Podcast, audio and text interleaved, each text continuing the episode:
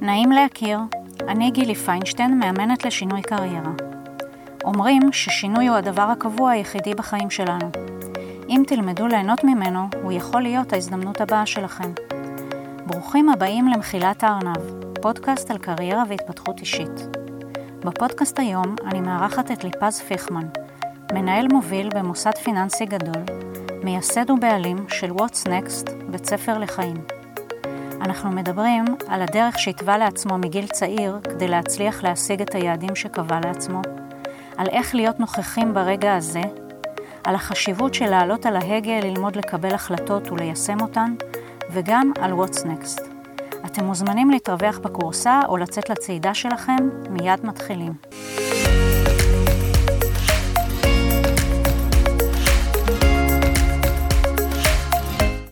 שלום לפז פיכמן. שלום גילי, מעניינים. בסדר, מה שלומך? איזה כיף שנפגשים. כן, סוף סוף. אנחנו נפגשים כדי לדבר על מיצוי פוטנציאל אישי וקריירה. לפני שאנחנו נגיע לזה, בוא נכיר אותך קצת. תספר מה אתה עושה היום. העיסוק המרכזי שלי זה ניהול, אני מנהל היום את האסטרטגיה הרב-ערוצית והדיגיטל בחטיבה הקמעונאית בבנק הפועלים. הקמתי מיזם לפני שנה שקוראים לו What's Next. המיזם הזה הוא בית ספר, הוא בעצם בית ספר לחיים. הייעוד שלו הוא אה, להעביר חבר'ה בני 20 עד 30 תהליכים, כדי באמת ללמד ידע שלא מלמדים במסגרות הממשלתיות, אם זה בבית ספר, אם זה בצבא. אה, שתיים, לעזור להם לקבל החלטות מאוד משמעותיות לגבי העיסוק שלהם, אפרופו קריירה, לגבי בכלל החיים שלהם, ובאמת ללוות אותם בתוך הדרך הזאת, אם זה ברעיונות עבודה, ואם זה בתחילת העבודה שלהם בתוך ארגון מסוים, אם זה בעסק שהם רוצים לפתוח. בקיצור, להיות איתם שם בעשור הראשון הזה. מה שבעצם מעניין אותי זה העניין של הדרך, אז בואו נדבר על ההתחלה. תלך הכי אחורה שאתה יכול אה, ללכת ותספר לי ככה איך התחלת. אולי תגיד מאיפה אתה, מה עשית. אני אספר קודם כל אז קצת על, ה, על עצמי עדיין בהווה. אני uh, גר בכפר יונה, יש לי אישה מקסימה, uh, קוראים לה עינב, אנחנו ביחד כבר 20 שנה, מגיל 21, אני בן 41. יש לנו שלושה ילדים, שי, רני וינאי. גדלתי באבן יהודה. בגיל 18 התגייסתי לצנחנים, הייתי בצבא שלוש שנים. שחלק מהצבא עשיתי מסלול בתור לוחם, וחצי השני בצבא הייתי מפקד, ושם נגליתי לכל העולם הזה של להניע אנשים. אחרי הצבא הלכתי לטייל קצת, טיילתי באוסטרליה, הקפתי חצי אוסטרליה, קצת מזרח, ופה הייתה לי באמת דילמה עם עצמי, מה לעשות בחיים, וקיבלתי החלטה עם עצמי שאני רוצה באמת ללכת לעסקים, מאוד הדליק אותי. ואני זוכר את השיחה הזאת עם ההורים בבית, שאני בשיא ההתלהבות אומר להם, תקשיבו טוב, אני יודע בדיוק מה אני רוצה לעשות בחיים, וזה מה שאני הולך לעשות, אני הולך לפתוח עסקים. ובגיל 22 בערך אני הולך לפתוח את העסק הראשון שלי, ומה שאני אעשה בשנה הזאת, זה אני פשוט אלך ואתכנן, ואני אעשה כאילו אני סטודנט, ואני אלך לכל מיני אה, עסקים, ויראה באמת לאיזה ענף אני רוצה להיכנס, והייתי כולי דרוך. וככה, כמו שהתקדמה השיחה בצורה מוטיבציונית, ככה היא גם ירדה, אחרי שאבא שלי אמר לי, איזה עסק ואיזה בטיח, לך תלמד, תעשה משהו מסודר, תלמד תואר ראשון. אמרתי לו, אבא, בכלל, מה, מה, מה אני הולך ללמוד? לא בא לי ללמוד בכלל, אני יודע בדיוק מה אני רוצה לעשות. הוא אמר לי, תקשיב, אתה בן 21, לך תלמד, אתה בגיל 24-5 אתה מסיים, ותלך, תעשה מה שאתה רוצה. אה, אז חשבתי מה ללמוד, אמרתי, יאללה, נלך בעצתו, ונרשמתי למינהל עסקים. ואז חברים אמרו לי, תקשיב, מה מינהל עסקים? זה כללי מדי. לך תלמד משהו שהוא יותר ספציפי. אמרתי להם, טוב, מה אתם לומדים? אמרו לי, ביטוח. אמרתי להם, מה לי ולביטוח? ואז ראיתי שיש איזה מקצוע לידו שקוראים לו בנקאות ושוק ההון, ואמרתי, זה בדיוק בשבילי. למה? כי אני שונא את הדבר שקוראים לו בנק, ומה לי ולשוק ההון. אמרתי, לפחות אני אשלים את הפער הזה, כי בכל זאת אני לא רוצה ללמוד. ונכנסתי באמת ללמוד תואר ראשון בבנקאות ושוק ההון. איפה למדת? במכללת נתניה. עשיתי באמת הכי טוב שלי.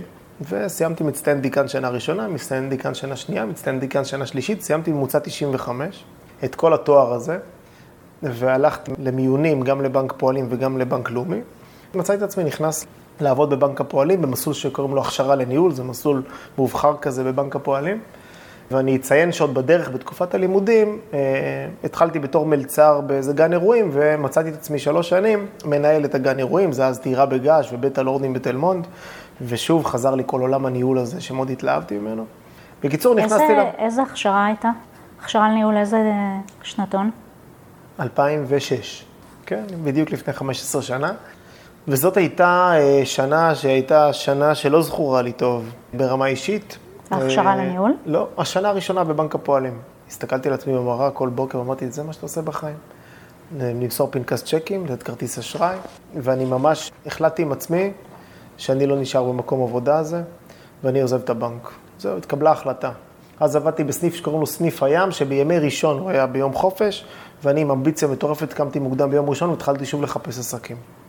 והיו לי כל מיני רעיונות, היה לי משא ומתן אולי לקנות איזה מסעדה, הייתי עם עוד מישהו במשא ומתן לפתוח איזה קייטרינג, כי זה מה שעשיתי לפני, וממש כמעט הייתי נעול על לפתוח אה, חברה להשכרת ציוד לאירועים.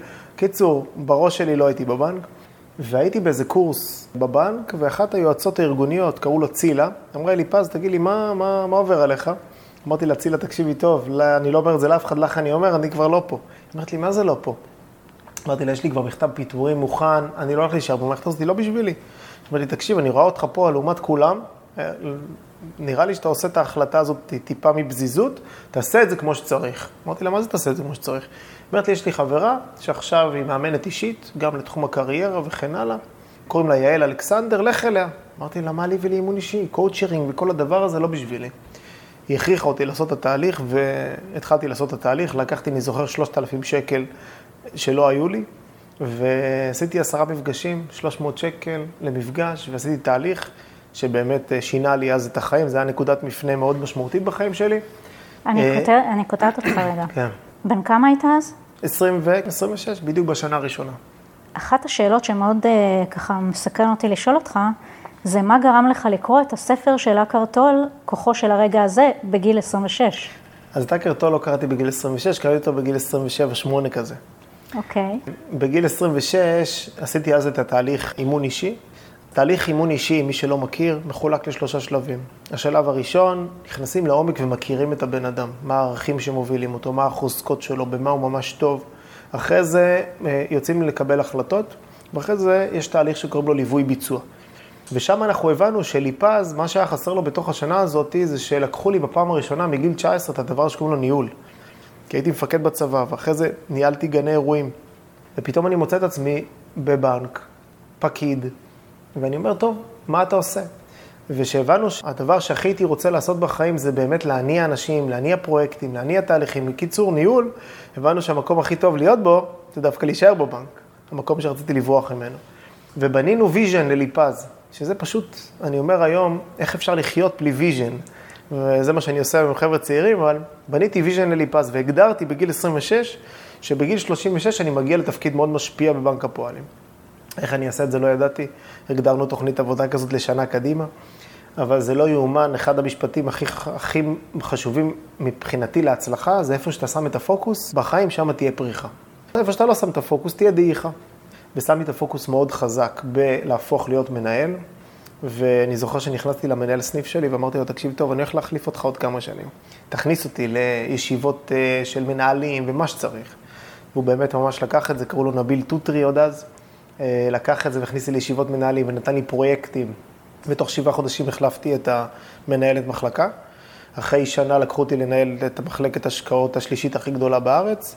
אחרי שנתיים עברתי לנהל במחלקת המכירות של הבנק את כל הבנקאויות הפרטיות, שזה המחלקות השקעות, ואחרי זה התקדמתי שם לנהל את המכירות של הלקוחות הפרטיים. זה היה בדיוק בגיל 36. הגעתי למצב שאני באמת בתפקיד מאוד משפיע. עשר שנים אחרי שהגדרתי באמת את ה vision, שזה בדיוק מה שאני אעשה.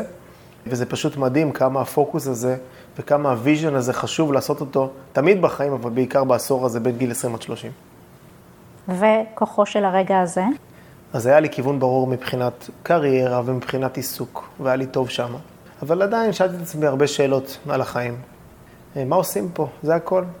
קמים בבוקר, הולכים לעבודה, מחכים שיום חמישי יגיע, עוד פעם מתבאסים שיום ראשון מגיע, ויאללה, מחכים שעוד פעם שיום חמישי יגיע. ואנשים בגיל 30 כבר מתפללים שיגיע הפנסיה. והיו לי גם כל מיני מצבי רוח מדי פעם. לא הייתי נרדם בלילה מכל מיני מחשבות. 40 דקות ככה בממוצע הייתי נרדם. היו מצבים שהייתי מוצא את עצמי בשעה שלוש בלילה, ועינב הייתה מתעוררת אשתי, והיא אומרת לי, ממי, אתה עדיין ער? אמרתי לה, תקשיבי, אני כבר שלוש שעות מנסה להירדם ולא מצליח. הייתי כבר נכנס ללופים עם עצמי של איך אתה לא נרדם. לא עזר לך למשל לכתוב דברים? כי אני לא הייתי ישנה בלילה, ואז הייתי כותבת דברים, וזה היה מרגיע לי את המוח, והייתי הולכת לישון. אז כמובן, הייתה לי מחברת ליד המיטה, כי רעיונות מטורפים היו מגיעים לי, אבל זו הייתה השעה הראשונה. מה עם השעה השנייה? אבל לא משנה, זו תקופה כזאת שהגיע אליי הספר הזה שקוראים לו כוחו של הרגע הזה, שפשוט שינה לי את החיים. אני חייב לציין שיש ספר אחר שקראתי לפניו, שקוראים לו ההרצאה האחרונה, שהספר הזה, קיבלתי אותו במתנה מחבר. זה ספר של בחור שקוראים לו רנדי פאו, שהוא מרצה למחשבים באוניברסיטה בארצות הברית, וגילו אה, לרנדי סרטן, והוא אה, במשך שנה אה, עבר טיפולים כימותרפיים מאוד קשים כדי להילחם בסרטן, עד שהוא באמת התפשט ללבלב, והודיעו לו שנשאר לו עוד ארבעה חודשים לחיות. בארבעה חודשים האלה הוא ישב עם עצמו וחשב באמת מה, מה עושים. תדמייני את הסיטואציה שאומרים לך שנותרו לך עוד ארבעה חודשים.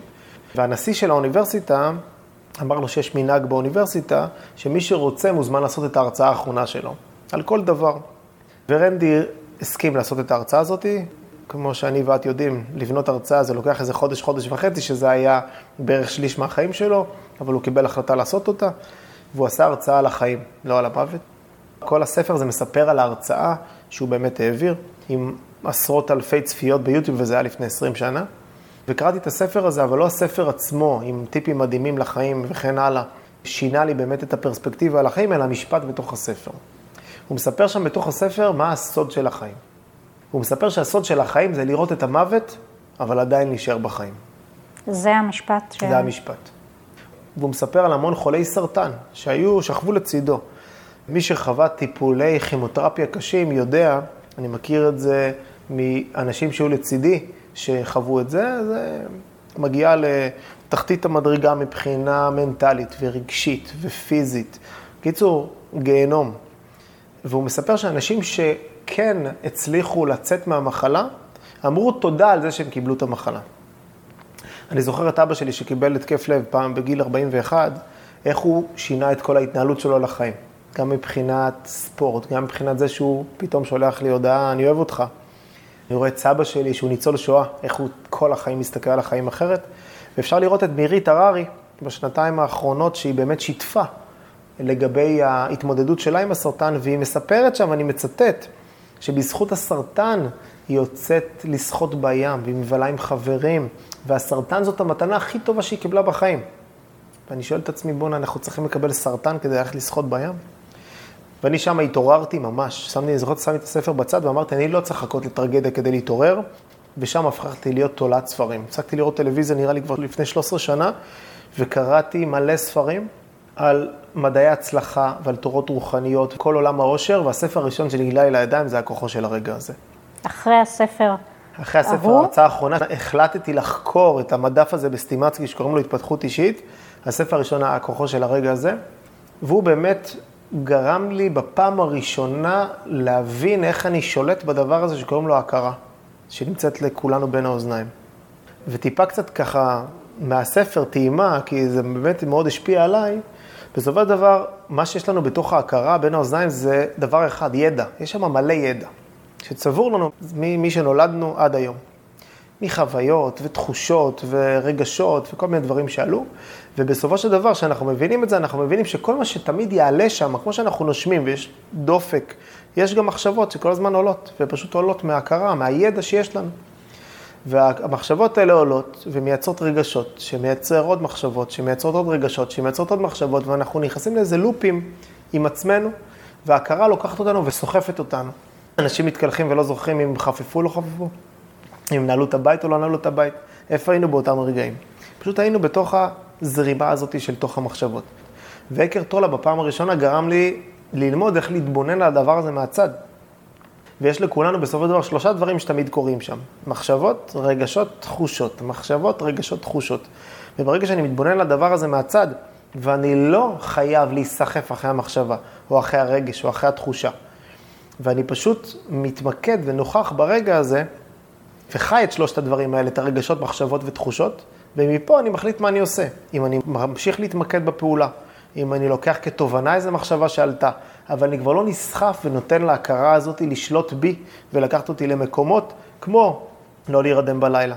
כמו כמה פעמים רצינו לרדת במשקל ולא הצלחנו, להפסיק לקצות ציפורניים, להפסיק לעשן. פשוט ההכרה שולטת בנו ואנחנו לא שמים לב לזה. רגע. כן.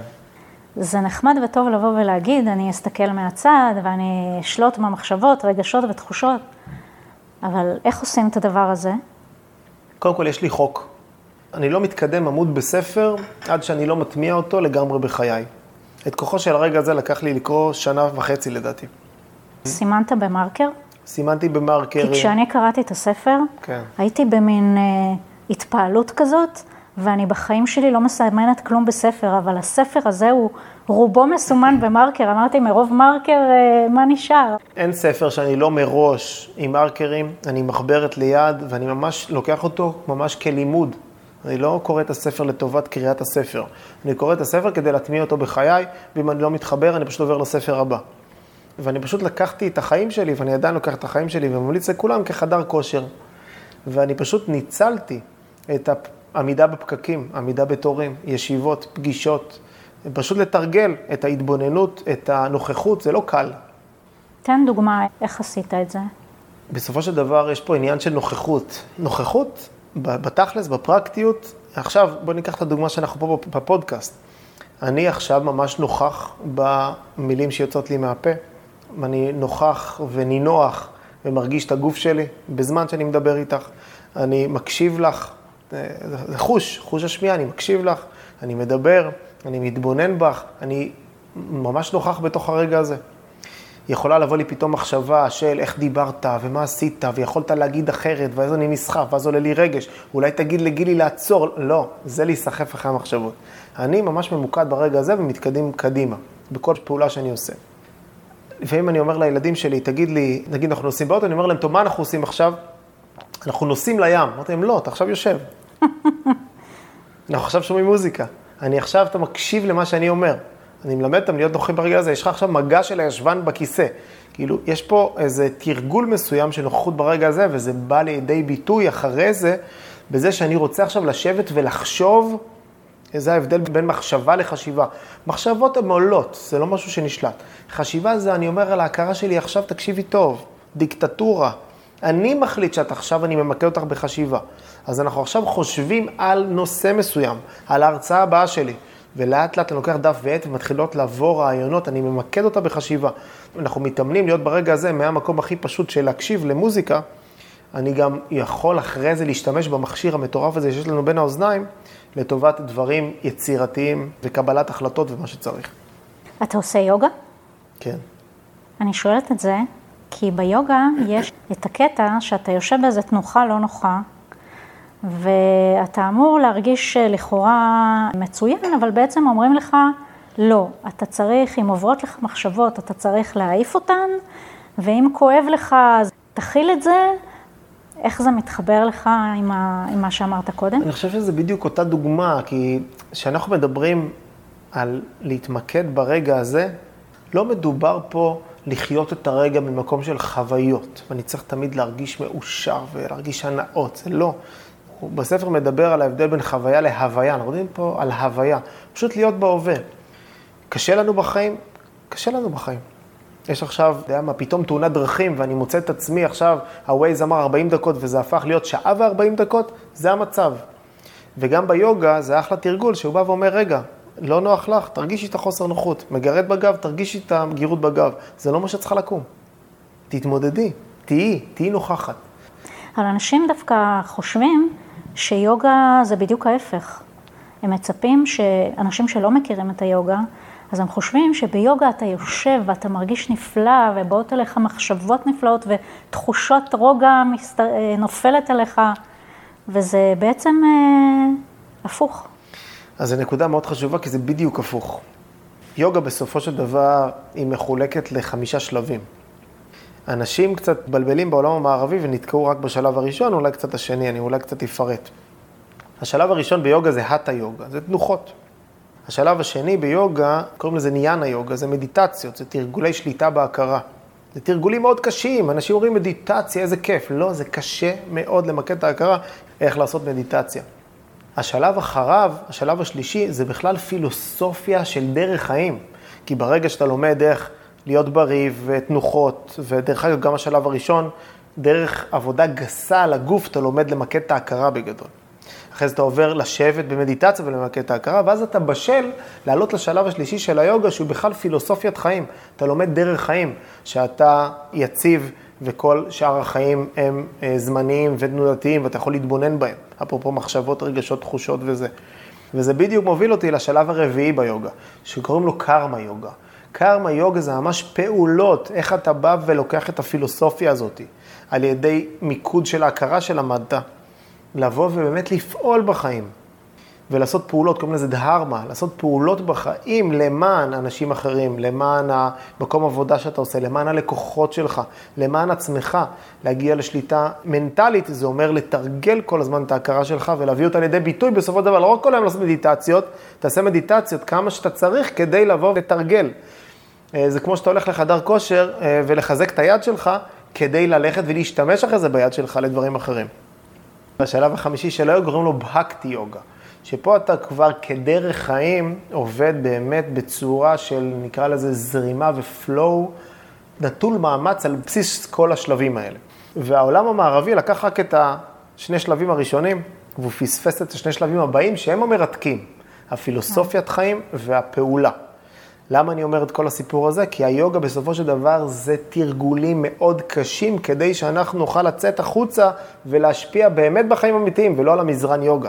מזרן יוגה הוא דווקא צריכה שמה להרגיש את ההתמודדות כדי שיהיה לך יותר קל בחיים האמיתיים. איך נראה היום שלך?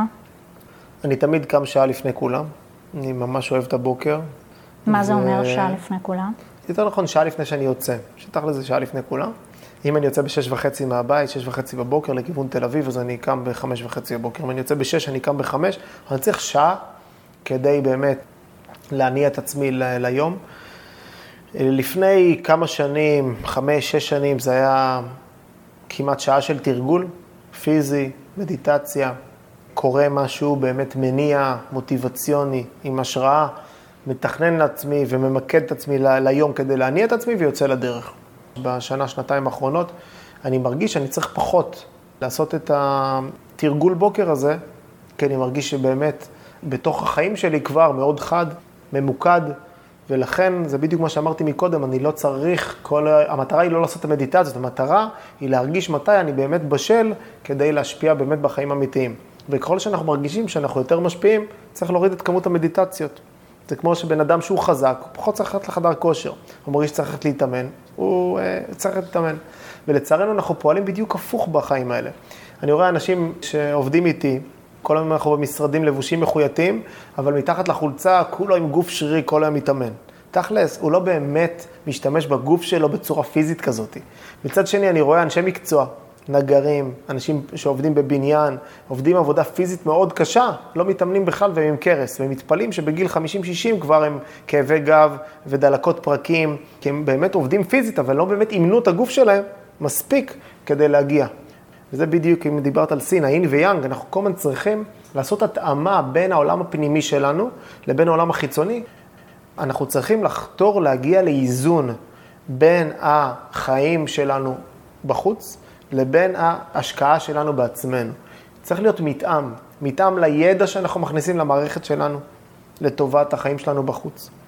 בן אדם למשל עובד כמוני וכמוך ומכווין אנשים אחרים ומאמן אנשים אחרים לטובת קריירה.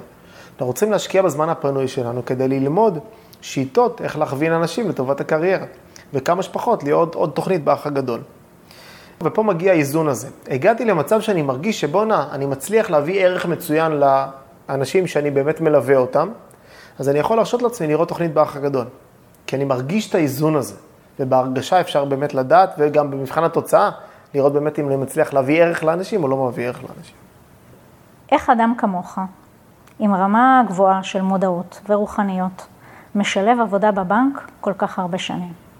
זה כיף ששאלת את השאלה הזאת, כי זה באמת מראים לי להנחתה, אנשים לא מבינים מה זה המילה הזאת שקוראים לה רוחניות. כאילו, אנשים שחושבים שרוחניות זה לשבת עם איזה גלימה לבנה ואיזה קונקשן ישיר לאלוהים, ולעשות מדיטציות כל היום ולהיות באיזה כפר בנפאל. רוחניות זה משהו מבחינתי שהוא מאוד מעשי, מאוד פרקטי. רוחניות זה לחיות ברמת מודעות מאוד גבוהה. רוחניות זה להיות בשליטה על ההכרה שלי, על רמת האנרגיה שלי, על הגוף שלי. להיות בשליטה מבחינת קבלת החלטות איך אני רוצה לחיות את החיים שלי.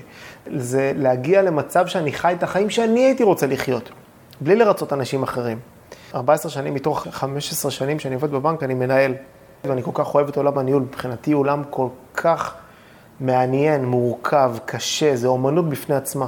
איך להניע פרויקטים מנקודה A לנקודה B, איך להניע קבוצה של אנשים מנקודה A לנקודה B. ואני מאוד אוהב את זה, וזה מה שאני עושה, ואני מרגיש רוחניות מאוד גדולה בזה שאני עובד במה שאני באמת טוב בו, אוהב אותו, ובורכתי לעשות. מה הייעוד שלך ואיך אתה מיישם אותו? אז נגענו פה בעוד מילה שהיא קצת בעייתית. המילים האלה שקוראים להם מנהיגות, רוחניות, ייעוד, זה מילים שהן קצת ארטילאיות וקשה קצת להבין אותן. נגיד מנהיגות, יש לה המון פרשנויות. ואותו דבר ייעוד.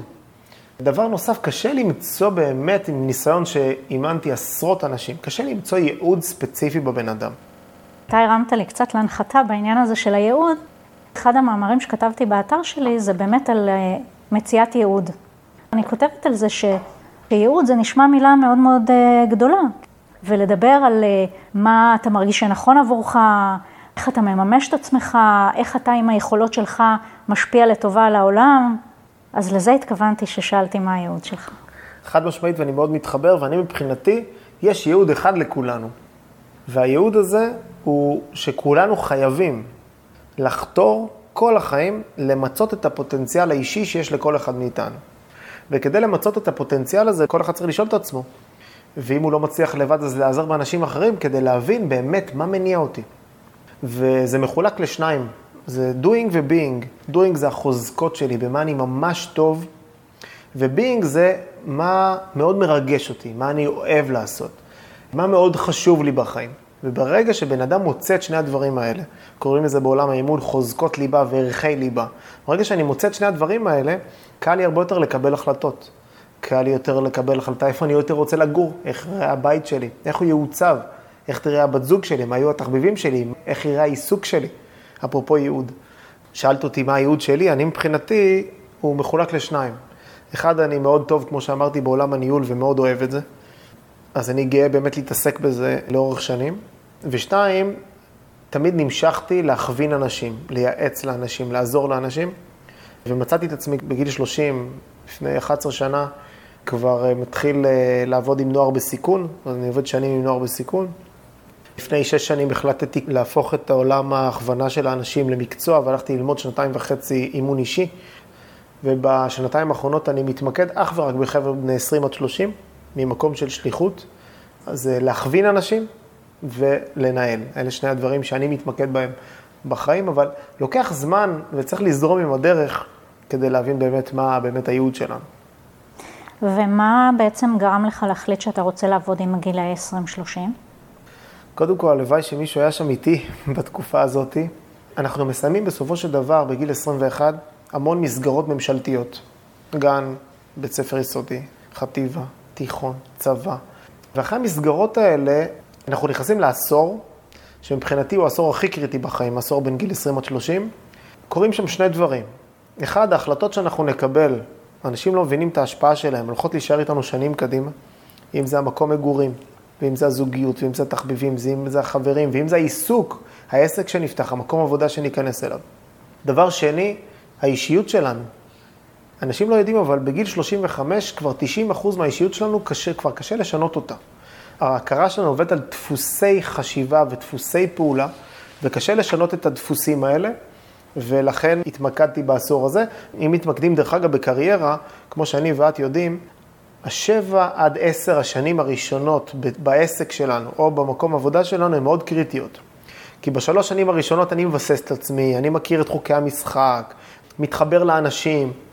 אחרי בערך שלוש שנים אני מתחיל להיכנס לתפקידי ניהול ביניים, לתפקידים יותר מעניינים. יש לי כבר בעסק שלי לקוחות שמתחילים יותר קבועים, יש לי כבר מנגנוני אה, עשייה, ואחרי בערך בין שבע לעשר שנים, אנחנו מתחילים לגזור את הפירות.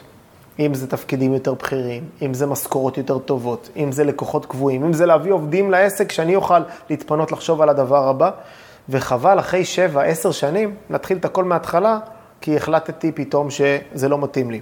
למרות שגם זה טוב, כן? עדיף מלהישאר ולחכות עד הפנסיה במקום שאנחנו לא אוהבים, אבל בגלל זה השליחות שלי לעבוד עם חבר'ה בני 20 עד 30. יש פה המון השפעה. ספר על אה, What's Next. טוב, What's Next זה באמת ה baby שלי, וזה כמו שסיפרתי, זה באמת בית ספר לחיים. זה אני ועוד שותף שלי, קוראים לו אפק פפרוביץ', הוא מנהל את כל המדיה, שיווק, המכירות של What's Next, והוא גם לומד היום כסטודנט פסיכולוגיה, וכמובן הוא ייכנס ל-What's Next גם בתור אה, מדריך ומאמן בהמשך. והמטרה שלנו פה לעשות אה, שני דברים מרכזיים. אחד, ללמד ידע שלצערנו לא מלמדים במסגרות הממשלתיות, כמו שאני אוהב לקרוא להן. איך באמת משלבים בין העולם הפנימי לחיצוני, איך מקבלים החלטות, איך פועלים בתוך העידן החדש, המורכב הזה, שאנחנו נכנסים ואנחנו נמצאים בתוכו. והדבר השני, באמת להעביר תהליכים, אני מאוד אוהב את המילה הזאת, להעביר תהליכים, אם זה ברמה אישית ואם זה ברמה קבוצתית, של קבלת החלטות וליווי של אנשים בתוך הדרך שהם היו רוצים לבחור, ממש לבנות להם תוכנית לחיים. המסר המרכזי של What's Next זה לקחת שליטה על החיים שלנו. אנחנו קוראים לזה ב-What's Next לעלות על ההגה, להפסיק לנסוע בתחבורה ציבורית. כי הרבה פעמים אנחנו נוסעים בתחבורה ציבורית ואנחנו לא שמים לב, הרגילו אותנו לנסוע בתחבורה ציבורית. לפעמים אנחנו יושבים מקדימה ליד הנהג ואנחנו מרגישים משפיעים. לפעמים אנחנו קצת על ההגה ואז יורדים ממנו. לפעמים אנחנו יושבים מאחורה בסבבה, אבל תכלס, ההורים שלנו, הגננת, המורה, המפקד בצבא, המנהל בארגון, הילדים שלנו, ההורים שלנו, הרבה פעמים אנחנו לא באמת על ההגה. והצעקה הכי גדולה שלנו זה חלאס. קח שליטה על החיים שלך, קח אחריות, תעלה על ההגה. והחיים שלך ישתנו. ולעלות על ההגה מבחינתנו זה לחיות את החיים שנכונים לך. תזהה את הערכים שמובילים אותך, תזהה את החוזקות שלך כדי שתוכל לקבל החלטות טובות. ללמוד איך להתבונן ולעשות אבחון לעצמנו, וכל הזמן להסתכל על עצמנו מהצד. כאילו, השוטף שוטף אותנו, אנחנו חיים מראשון לחמישי, ראשון לחמישי, ופתאום מתעוררים, כמו שאמרנו, באיזה מחלת סרטן חס וחלילה, או שפתאום מפטרים אותנו מהעבודה, או שפתאום אני קולט עצמי עם קרס, או שפתאום אה, התגרשתי. איפה היית? לא התבוננת פשוט ואמרת, רגע, אני הולך לכיוון נכון, לא הולך לכיוון נכון. וצריך ללמוד איך להתבונן. אבל זה אתה קצת סותר את ה-20-30. למה? כי הדוגמאות שנתת עכשיו, הן מתייחסות בעצם לגילאים המבוגרים יותר. למה? אני צריך ללמוד כבר בגיל 20 עד 30 איך כדרך חיים. אני עוצר רגע ומתבונן. לא, אני מתכוונת שדיברת על אתה מתגרש וקרס וזה, זה לא בגיל 20-30, זה כבר לא, יותר 40-50. ברור, ברור. אם אתה רוצה לא להגיע למצב שאתה יושב בגיל 40 ואתה אומר, יאללה, איך העסק שלי הגיע לפשיטת רגל, אתה צריך ללמוד, נשמה, כל שנה, כל חודש, כל שבוע, כל יום, להתבונן, לצאת לדרך, כדי לנהל מגמות. אנחנו עבדנו שנינו בארגון מאוד גדול, כל היום אנחנו מנהלים מגמות, מסתכלים על גרפים, למה אנחנו לא עושים את זה לחיים שלנו? שלא יתפרש כאילו אנחנו לא עושים, כי אנחנו מאוד עושים. לגמרי. מבחינתנו הכי חשוב זה לקבל החלטות. החלטות הן משנות חיים, ואנשים חייבים להבין את הדבר הזה. החלטות טובות משנות את החיים שלנו לכיוון טוב, והחלטות גרועות יכולות לדפוק לנו את החיים. גם דרך אגב, ברירת המחדל הטבעית של בן אדם זה לא לקבל החלטות. כאן אני קצת פחות מסכימה איתך, כי אומרים שלוקחים אה, עשרות אלפי החלטות ביום, אז רובן הן אה, סתמיות נניח, אבל כשאתה אומר לא לוקחים החלטה, זה לא נכון. אנחנו, גם כשאנחנו מחליטים שלא לעשות, זאת החלטה. כשאני אומרת לא בא לי להתמודד עם איזושהי בעיה, אני בעצם, אני מתמודדת איתה, לא בצורה הנכונה, אבל אני מתמודדת איתה, ויהיו לזה השלכות. אז אני טוען שרוב האנשים לא באמת עושים את זה בצורה מודעת, כמו גילי פיינשטיין. אני טוען שרוב האנשים בחיים פשוט זורמים, דברים קורים. הם לא באמת מתבוננים, מקבלים החלטות, וצריך להתאמן לקבל החלטתות. אני רואה אנשים מסתכלים על תפריט במסעדה ושעה עד שמקבלים החלטה על המנה שלהם. תאמנו את עצמכם ואת ההכרה שלכם לקבל החלטות מהר. תסתכלו על תפריט ותגידו לעצמכם, תוך 20 שניות אני אקבל החלטה. לתרגל את זה, ממש לתרגל את זה. הלא להחליט הזה הוא הרבה יותר גרוע מאשר להחליט. נכון. כי אם, לא, אם תחליט, יכול להיות שהחלטה לא טובה, אתה תבין שהיא לא טובה, אתה תשנה. אבל כרגע אתה כל הזמן אתה במחשבות, אתה לא עושה את הפעולה, אתה חושב, אבל אתה לא עושה שום דבר. חד משמעית, וגם לא לקבל החלטה, זה החלטה. אבל תשאל את עצמך למה אתה לא מקבל את ההחלטה. כי אתה רוצה לדון בזה ולהבין רגע, לא יודע, איזה כיוון מסוים עוד שלושה חודשים, אהלן וסהלן. אז בוא ניפגש עוד שלושה חודשים. אבל אנחנו צריכים להבין שאנחנו חייבים לקבל את ההחלטה. צריך לדעת למצוא את, את נקודת הזמן הזאת, שבו אתה אומר לעצמך, אוקיי, זה מה שאני יודע, אף פעם לא יהיה מושלם, תמיד יש אי ודאות, בוא נראה ונחליט משהו. כמו שאמרתי קודם, אחר כך מקסימום תשנה. אני רוצה רגע לתת איזה כלי אולי שטיפה יעזור לקבל החלטות, וזה כלי שמשתמשים בו לקבלת החלטות בעידן החדש. אייג'ל זו שיטת ניהול שכל המטרה שלה זה להתאים לעידן החדש. העידן החדש שאנחנו עכשיו נמצאים בו, וזה רק הולך להחמיר, זה עידן שהקצב שלו הוא מאוד גבוה. הכמות שינויים שקורית בתוך הדרך היא מאוד גבוהה, ולכן כבר לא עובדים על בסיס תוכניות ארוכות טווח ומקבלים החלטות ענקיות, לא.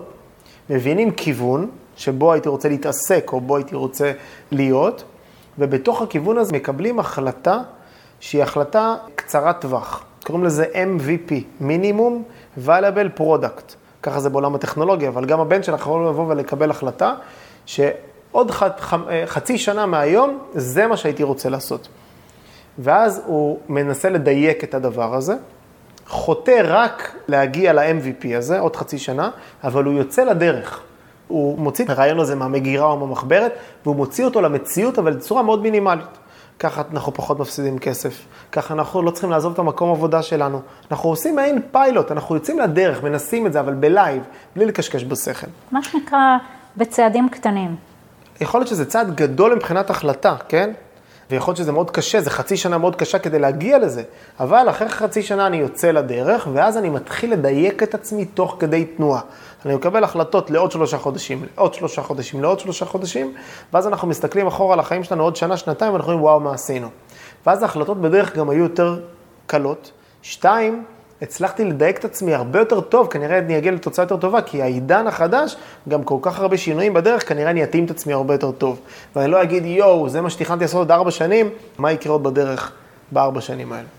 אתה יודע, אה, פעם בכמה זמן אני מכריחה את עצמי לעצור ולהסתכל, רגע, מה עשית? איפה את? איפה את ביחס לאיפה שאת רוצה להיות? האם את באמת בדרך הנכונה? את צריכה לעשות uh, כמה תיקונים? ובאמת, uh, כמו שאתה אומר, לנהל, לא רק לנהל אנשים אחרים או להוביל אנשים אחרים, לנהל את עצמי mm-hmm. בצורה שבה אני אומרת לאנשים שכדאי להם להתנהל, אז אני משתדלת ככה... מדהים. להיות on the job uh, אמיתי, וגם uh, יש לזה מונח שקוראים לזה walk the talk. לעשות את מה שאתה כן. אומר שאתה עושה. קורה לנו הרבה פעמים שאנחנו אומרים דברים, זה, זה קשור גם, אה, באמת חשוב לחבר'ה הצעירים, אבל גם לאנשים מבוגרים, שלדבר זה טוב, אבל אה, לא, לא חשוב לדבר כמו שחשוב לעשות. זאת אומרת שאם אתה מחליט, כבר חשבת, כבר הגעת למסקנה וזה מה שאתה רוצה לעשות, תתחיל לעשות. Mm-hmm. כאילו, כי לדבר זה נחמד, אבל זה לא, לא מגיעים לתוצאות מלדבר. חד משמעית. זו התחלה טובה. דרך אגב, זה באמת ההגדרה של יושרה. לחיות ביושרה זה לחשוב, להגיד ולעשות אותו דבר. אנחנו חושבים על משהו, אבל אומרים משהו כן. אחר ועושים משהו אחר. כן. בן אדם שמגיע באמת למצב שהוא חי ביושרה, כל מה שהוא חושב הוא אומר, וכל מה שהוא אומר הוא באמת עושה, ואת רואה באמת בן אדם שהוא באמת מלא ומסופק מהמקום הזה של walk the talk. מה הטיפ, או טיפים להורים ששומעים אותנו עכשיו, ורוצים לכוון נכון את הילדים שלהם? א', שיבינו איזו השפעה גדולה יש להם על הילדים שלהם. גם הם חושבים שהילדים שלהם כבר גדולים, יש להם השפעה מאוד גדולה עליהם בגיל 20 עד 30, לטוב ולרע. צריך להסתכל ולחנך ולגדל כל ילד בצורה אחרת ושונה, ולהבין שהילדים שונים אחד מהשני. ולהבין שהילד שלהם שונה מהילדים האחרים בגן, ושונה מהילדים האחרים בבית ספר, ושונה מהרצונות של ילדים אחרים להגיע לסיירת, כי יכול להיות שזה לא מתאים בכלל. ולכן אחד הדברים הכי חשובים זה לזהות את הפוטנציאל האישי של הילד. לזהות מה מניע אותו, במה הוא טוב, מה מדליק אותו, מגיל מאוד צעיר, וללכת איתו לשם. אני נותן אה, דוגמה מצוינת תמיד אה, בסדנאות שלי, שאני מראה תעודה, ותעודה אמיתית.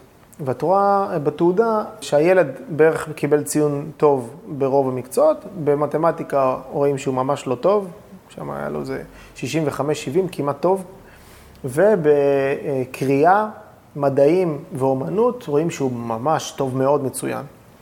ואני שואל את כל האנשים, לאיפה הם היו מביאים לו מורה פרטי? וכולם, לאיפה היו מביאים להם מורה פרטי? מתמטיקה. מתמטיקה, קלאסי. ואני אומר, זה בדיוק ההפך. צריכים לבוא לילד כזה ולהגיד לו, תקשיב טוב, אתה לא נכשל במתמטיקה, בוא נשמור על ה-70, ובוא נחשוב מה עושים כדי שהיא תשמור על ה-70. אבל בוא נראה מה אנחנו עושים עם הדבר הזה שאתה כל כך טוב בקריאה, מדעים ואומנות. יש שם משהו לילד, פלא, בתוך הדבר הזה, שמאוד מושך אותו, והוא מאוד טוב בו. ולא רק שהייתי מביא לו מורה פרטי, רק לתחום הזה, הייתי לוקח אותו לחוג ומפתח.